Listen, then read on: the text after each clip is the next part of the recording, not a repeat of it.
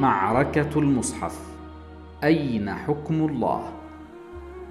إنا أنزلنا إليك الكتاب بالحق لتحكم بين الناس بما أراك الله ولا تكن للخائنين خصيما. وأن احكم بينهم بما أنزل الله ولا تتبع أهواءهم. واحذرهم أن يفتنوك عن بعض ما أنزل الله إليك. فإن تولوا فاعلم أنما يريد الله أن يصيبهم ببعض ذنوبهم وإن كثيرا من الناس لفاسقون. أفحكم الجاهلية يبغون؟ ومن أحسن من الله حكما لقوم يوقنون. إنما كان قول المؤمنين إذا دعوا إلى الله ورسوله ليحكم بينهم أن يقولوا سمعنا وأطعنا وأولئك هم المفلحون.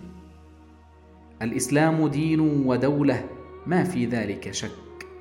ومعنى هذا التعبير بالقول الواضح أن الإسلام شريعة ربانية جاءت بتعاليم إنسانية وأحكام اجتماعية وكلت حمايتها ونشرها والإشراف على تنفيذها بين المؤمنين بها وتبليغها للذين لم يؤمنوا بها إلى الدولة أي إلى الحاكم الذي يرأس جماعة المسلمين ويحكم أمتهم.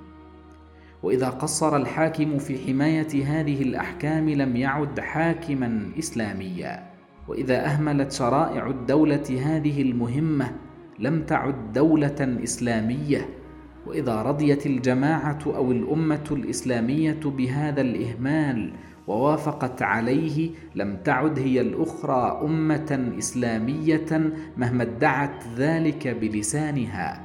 وإن من شرائط الحاكم المسلم أن يكون في نفسه متمسكا بفرائض الإسلام بعيدا عن محارم الله غير مرتكب للكبائر.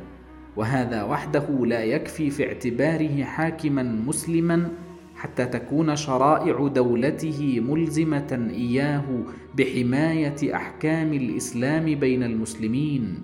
ملزمة إياه كذلك بتبليغها لغير المسلمين وتحديد موقف الدولة منهم بناء على موقفهم هم من دعوة الإسلام.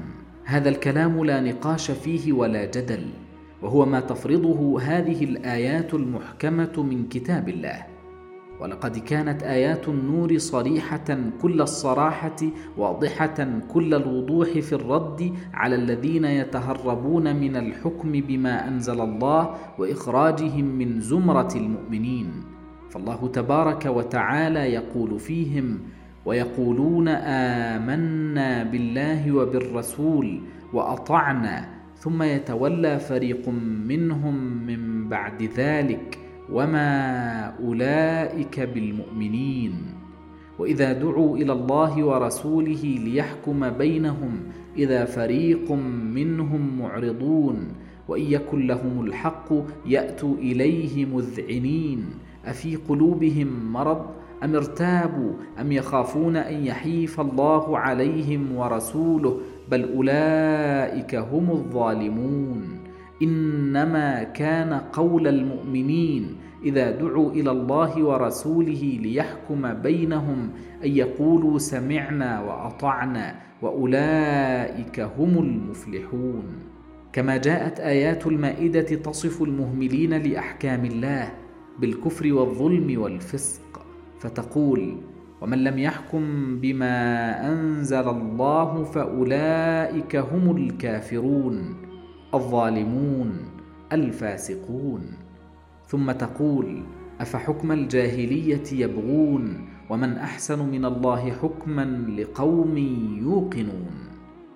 ولا يكفي في تحقيق الحكم بما أنزل الله أن تعلن الدولة في دستورها أنها دولة مسلمة وأن دينها الرسمي الإسلام أو أن تحكم بأحكام الله في الأحوال الشخصية وتحكم بما يصطدم بأحكام الله في الدماء والأموال والأعراض.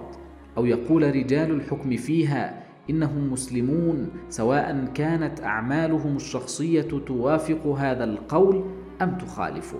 لا يكفي هذا بحال.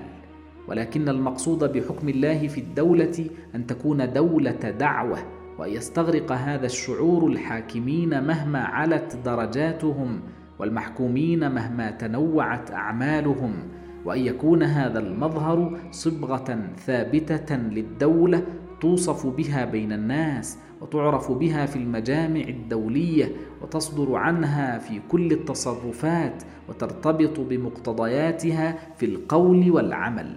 في العالم دولة اسمها الاتحاد السوفيتي لها مبدأ معروف ولون معروف ومذهب معروف. نحن لا نأخذ به ولا ندعو إليه ولكننا نقول إن هذه الدولة عرفت بلونها هذا بين الناس وفي المجامع الدولية وهي ترتبط بمقتضياته في كل تصرفاتها وأقوالها وأعمالها وقد أرادت إنجلترا وأمريكا تقليدها فادعتا أنهما تصطبغان بالدعوة إلى شيء اسمه الديمقراطية وإن اختلف مدلوله بمختلف المصالح والمطامع والظروف والحوادث فلماذا لا تكون مصر وهي دولة مستقلة ذات سيادة معروفة في المجامع الدولية بتمسكها بهذه الصبغة الإسلامية وحرصها عليها ودعوتها فيها وارتباطها بها في كل قول أو عمل؟ ذلك هو أساس الحكم بما أنزل الله. ومتى وجد هذا المعنى وارتبطت الدولة بهذا الاعتبار واصطبغت بهذه الصبغة فستكون النتيجة ولا شك تمسك الحاكمين بفرائض الإسلام واتصافهم بآدابه وكمالاته ثم صدور كل التشريعات. وخضوع كل النظم الاجتماعية في الدولة لتوجيهاته وأحكامه فيتحقق حكم الله فرديا واجتماعيا ودوليا وهو المطلوب. أين نحن من هذا كله؟ الحق أننا لسنا منه في شيء وكل حظنا منه نص المادة 149 من الدستور. ثم ما بقي في نفوس هذا الشعب من مشاعر وعواطف وتقدير وأعمال وعبادات. أما الحكومة والدولة ففي واد وحكم الله في واد آخر. يا دولة رئيس الحكومة أنت المسؤول بالأصالة. ويا معالي وزير العدل أنت المسؤول بالاختصاص. ويا نواب الأمة وشيوخها أنتم المسؤولون باسم الشعب. ويا فضيلة شيخ الأزهر وأصحاب الفضيلة العلماء الأجلاء أنتم المسؤولون باسم أمانة العلم والتبليغ التي أخذ الله عليكم ميثاقها.